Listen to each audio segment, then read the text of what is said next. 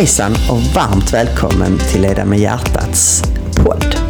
Idag så tänker vi att vi ska svara på några av alla frågor som vi har fått in. För ett tag sedan så, så bad vi er på LinkedIn att eh, skriva era frågor till oss. Och vi har fått in många spännande frågor. Och eh, vi börjar beta av dem idag helt enkelt. Eh, innan vi gör det så vill vi vill bara tacka så jättemycket för ert engagemang. Det var så roligt att, att få ta del av era frågor.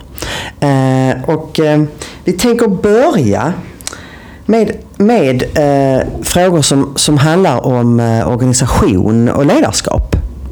Och första frågan är hur skapar man legitimitet och trovärdighet för att leda med hjärtat? Och så, som, som eh, skaparen av frågan eh, skriver så är det också det här att många är ju vana vid och trygga med att leda eh, med logik och förnuft. Eh, så hur skapar man legitimitet att leda med hjärtat? Charlotte?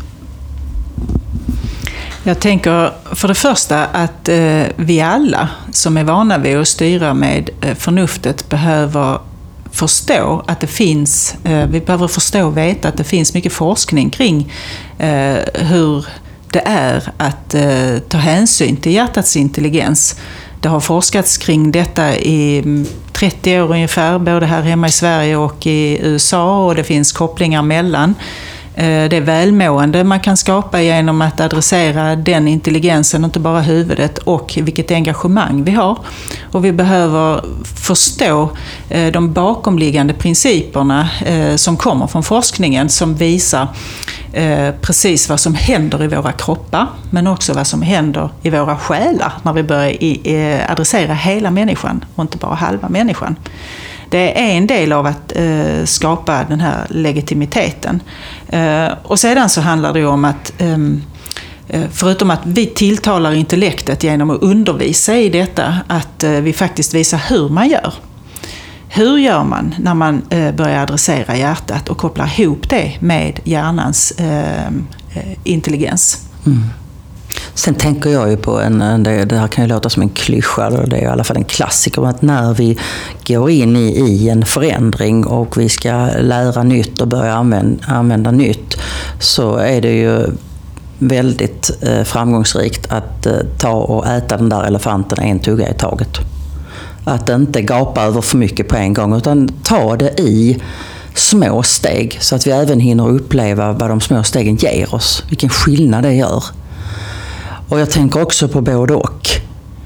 Att vi är ju, ska vi få tillgång till hela människan och hela vår potential, både i individen och i grupper och organisationen, så är det ju att samarbeta och samspela mellan eh, hjärtats intelligens och, och, kroppens intelligens och vårt, vårt genuina engagemang och det här med, mer logiska och förnuftsbaserade och eh, hitta, hitta en win-win eh, i hur de bäst samarbetar. Ann?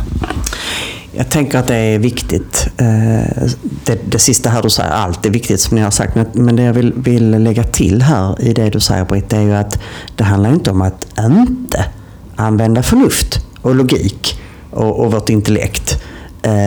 Utan det handlar om att göra både och.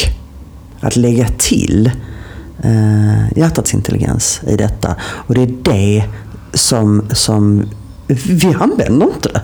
Eller vi använder det väldigt lite ute i organisationerna idag. Vi, vi är så präglade av att använda intellektet och där någonstans så blir det fokus på intellektet och så tappar vi bort den andra aspekten med, med hjärtat och med våra inre, inre värderingar. Mm. Britt?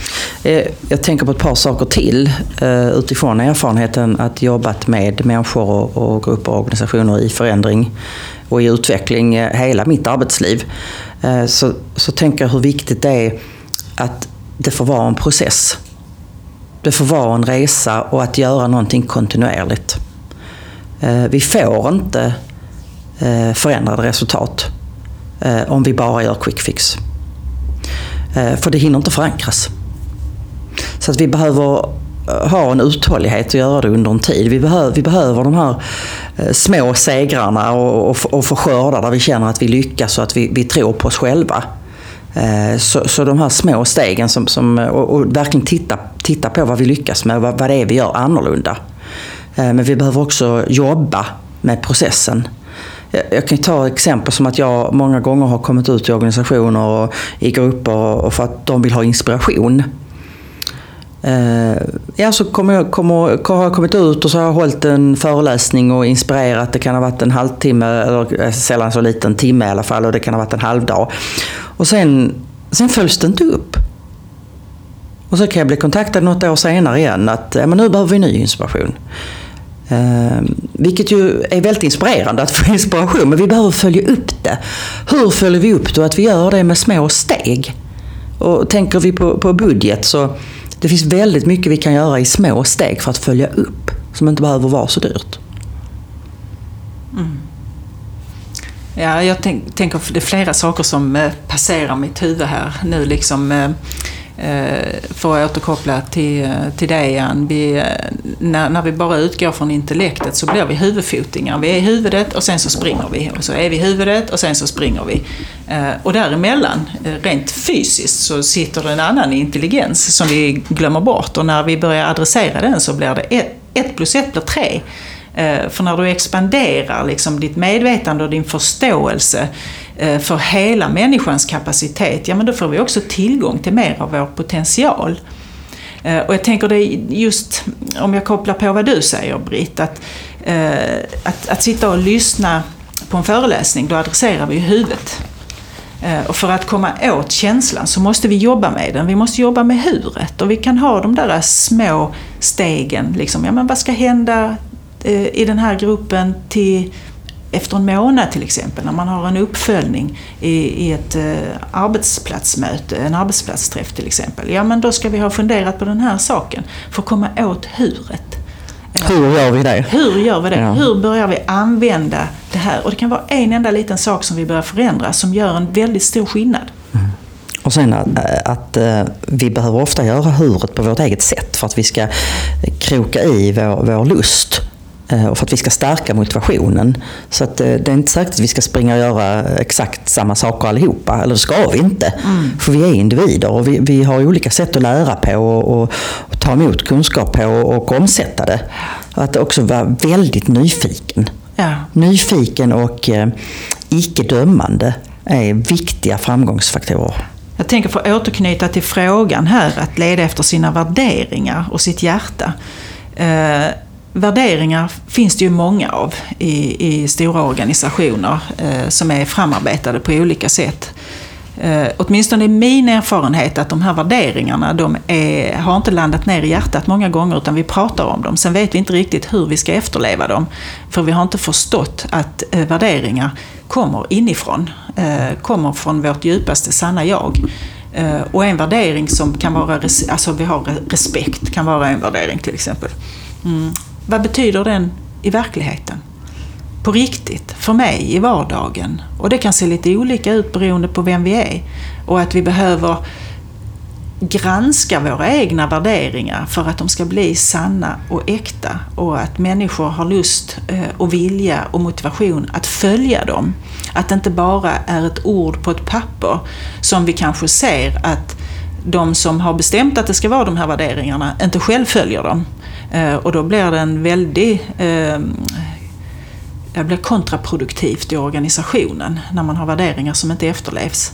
Och därför är det viktigt att eh, lära sig inifrån sig själv. Att man liksom belyser sig själv först innan man talar om för andra hur de ska vara. Ja, men hur är jag själv? Och vad står jag för? Och vad är mm. viktigt för mig? Eh, och att gå in i det där huret eh, på ett modigt sätt. För det krävs lite mod att eh, vända lampan in mot sig själv och inte bara rikta den ut mot andra. Jag hittar en fråga här som, som, som vi kan ta nu, som kopplar ihop med detta. Och, den är formulerad ungefär så här i att hur, hur arbetar man med att göra den här förändringen till att leda mer med hjärtat? Eh, när det behövs, behöver ske i ledningen.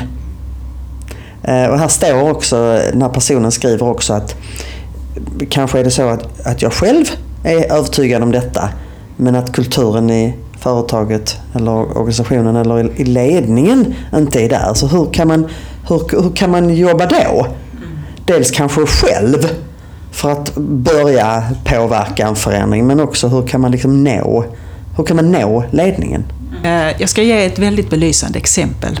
Eh, jag började i en organisation eh, för ett antal år sedan. Jag var där i ett antal år, men ehm, då, den här perioden inleddes med en chef i högsta ledningen som var VD. Och han hade ett sätt att leda. Och bland annat så kom alla medarbetare i det här företaget i tid på möten. Alltid. Det var så det såg ut. Sen byttes chefen ut. Och den nya chefen kom aldrig i tid. Han kom alltid en kvart till 20 minuter, ända upp till 30 minuter för sent till mötena. Och det tog två månader så fanns det inte en enda människa som kom i tid på möten.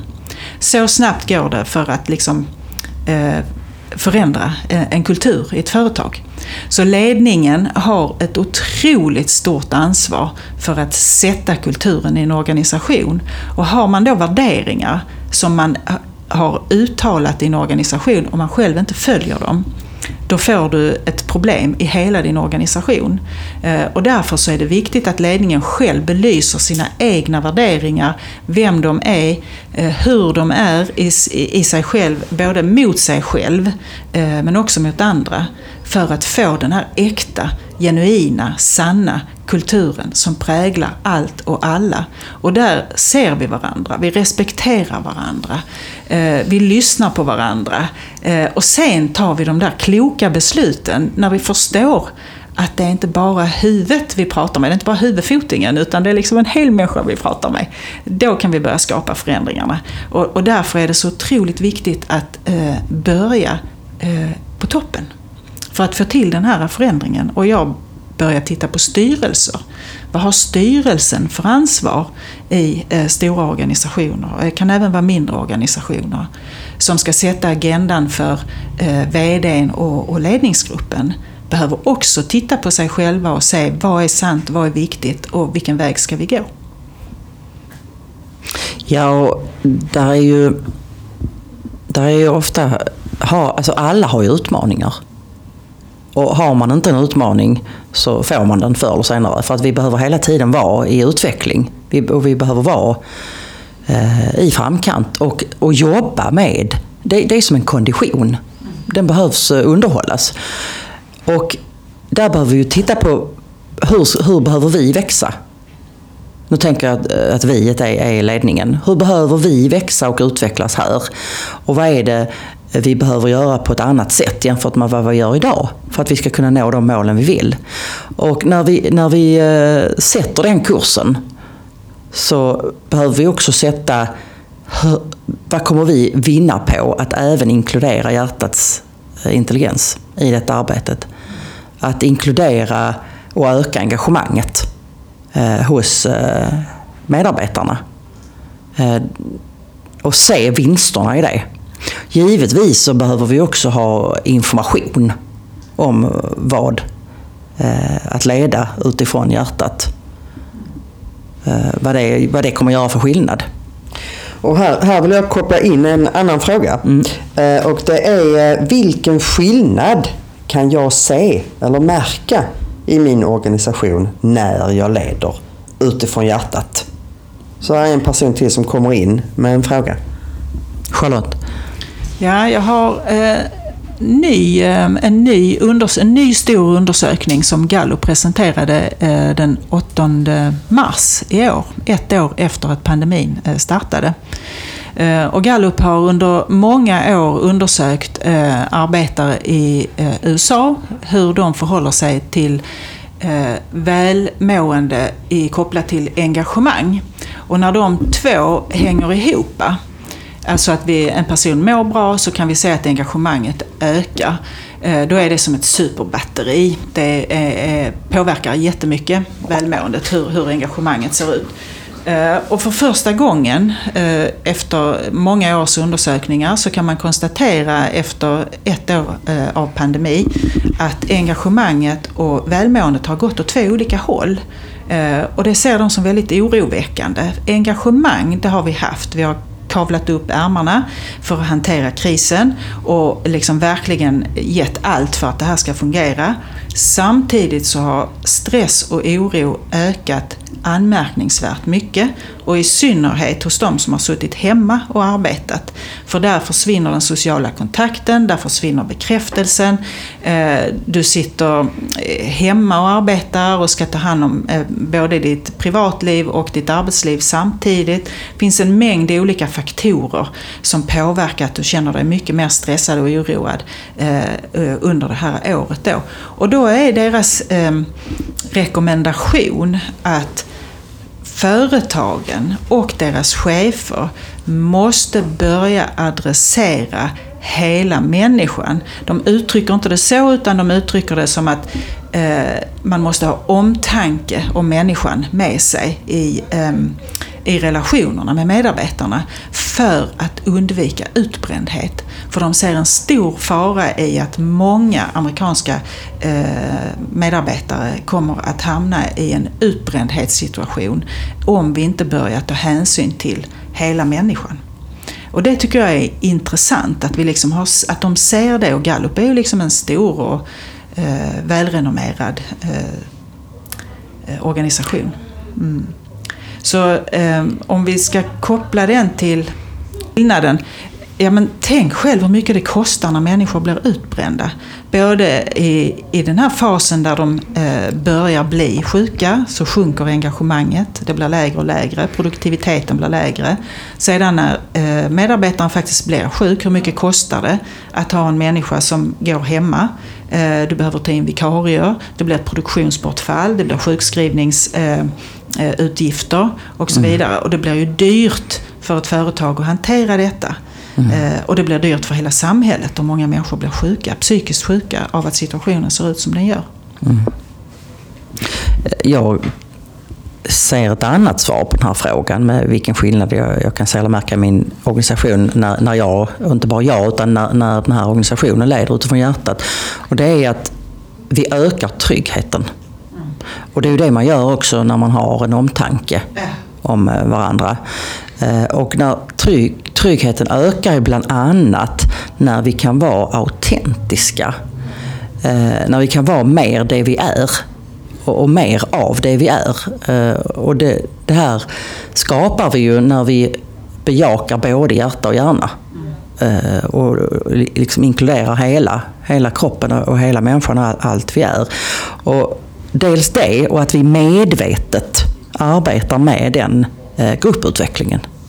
Där vi, där vi bygger våra relationer och, och, och underhåller våra, våra relationer. Och sen även, som vi har varit inne på tidigare, att vi, man kan se också att vi jobbar med huret. Eh, huret får samarbeta med vadet och dessutom får vemmet komma in.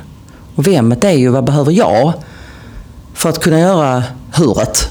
som ju stärker upp vadet.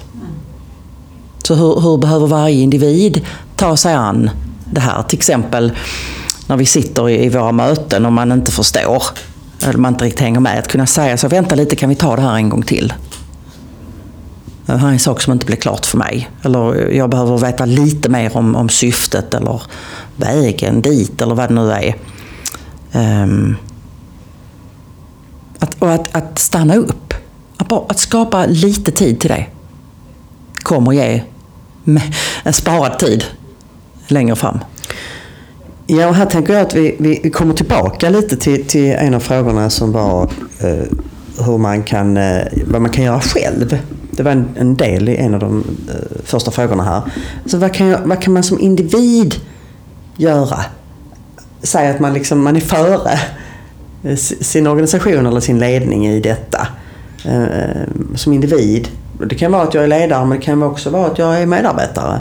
Vad, vad kan man då göra för att börja så frön eh, och öka upp eh, Leda med hjärtat? Vad tänker, vad tänker ni om det? Alltså jag tänker på Michael Jacksons låt Man in the Mirror. Jag tänker även på Gandhis eh, citat Be the change eh, you want to see in the world. Eh, det börjar hos dig själv. Ett, ett väldigt bra sätt är att stanna upp och, och, och ett par gånger om dagen med en, kort reflektion. Var, hur var nu detta mötet jag hade eller det här samtalet jag hade? Eller den här insatsen vi gjorde här. Eh, vad var det som var bra? Vad var det som fungerade bra? Och ifall vi vill att det ska bli ännu bättre, vad, vad kan vi göra annorlunda? Och hur mötte vi varandra? Fick alla plats? Mm. Tog vi hänsyn till varandra, respekterade varandra? Var, var, alla okej okay i mötet? Uh, och då kommer vi in på hjärtkoherens. Exakt. Som vi har pratat om tidigare. Ja. Och I själva begreppet hjärtkoherens så ligger det ju um, tekniker uh, som är enkla att ta till sig. Mm. Och de handlar också om att stanna upp uh, och vara i sig själv uh, och andas in en annan typ utav känsla. Mm. Eh, än den som vi har stått i om vi har varit irriterade eller om vi har varit arga för någonting. Eller, eh, vi känner att vi har gått ut från ett möte som inte har gett oss det som det borde ge oss. Eh, så det du säger är jätteviktigt, att liksom reflektera över sig själv. Det kan man göra. Eh, och man kan också eh, hjälpa sig själv genom att stanna upp. Stanna upp och bara tänka, tänka på de här åtta sekunderna vi har pratat om många gånger. Mm. Att det tar inte längre tid än åtta sekunder för att eh, hjärnan ska bli väldigt lycklig och blomstra upp i, i många färger. Eh, när vi stannar upp och, och börjar gå i medkänsla istället för i motstånd. Mm. Och att lyssna in och acceptera och vara nyfiken på varandra istället för att gå till attack som vi många gånger gör. Mm. Och och att fråga oss själva, vad, vad, behöver jag för att jag ska kunna gå in med ett, ett genuint engagemang här? Mm. Och det är mitt eget ansvar. Det får jag inte från någon annan. Jag får inte det från ledningen. Så att ifall, ifall det jag får från ledningen inte eh, slår an en, en, ett genuint engagemang i mig så behöver jag ta ansvar för vad jag behöver för att hitta det engagemanget. Mm. Jag behöver ställa frågor.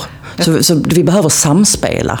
Och eh, ett av mina absoluta favoritord för närvarande, och det har varit det länge, och det är co-create. Inte bara samarbeta utan samspela och samskapa. För att vi, vi, vi skapar tillsammans och varje möte och varje relation eh, finns det möjlighet till ett samskapande som, som ökar, ökar ett, ett engagemang och att, eh, att, att, att vi, vi, eh, vi gör varandra bättre. Helt enkelt. Och det, och det mm. finns lite mer bakom det. Du säger att vi gör varandra bättre och det är att vi smittar varandra. Är du disengagerad så smittar du de andra runt omkring dig till att också bli disengagerade. Och är du då en väldigt engagerad person och du har hög energi och du eh, utstrålar liksom en, eh, en självsäkerhet och att du är liksom glad och sprider en glädjefull energi runt omkring dig och entusiasmerar folk som finns runt omkring dig, så sprider det sig, det smittar. Mm. Så disengagemang smittar och verkligt engagemang smittar. Mm. Och sen skulle jag vilja ta oss till vår, ett av våra allra första behov som människor. Eller det är det första behovet. Och det är att, att få eh, Eh, finnas till, att få existera, att bli sedd. Och här eh, vill jag koppla oss till en helt ny bok som har kommit alldeles, alldeles nyligen. Eh, och det är Jan Carlssons Se människan. Eh, vilket han ju började med redan på 80-talet. Eh, med boken Riv pyramiderna. Att, att se människan gör så stor skillnad. Och då är det ju både att se mig själv och att se andra. Ja, jätteviktigt. Jag har inte hunnit läsa boken Inte jag heller. Jag är väldigt nyfiken på den. Den är på Postnord tror jag på väg till mig. Hörni, tiden går jättefort. Och vi har ju sagt att vi ska hålla oss på cirka 20, max 30 minuter i varje poddavsnitt. Så det kommer vi nu göra. Så jag tänker att det här var del 1. Och eh, i del 2 så kommer vi fortsätta att titta på eh, hur, eh, varför och hur man som chef och ledare kan välja eh, denna vägen. Och även, eh, vi kommer även titta på HR-perspektivet för här har vi också fått frågor.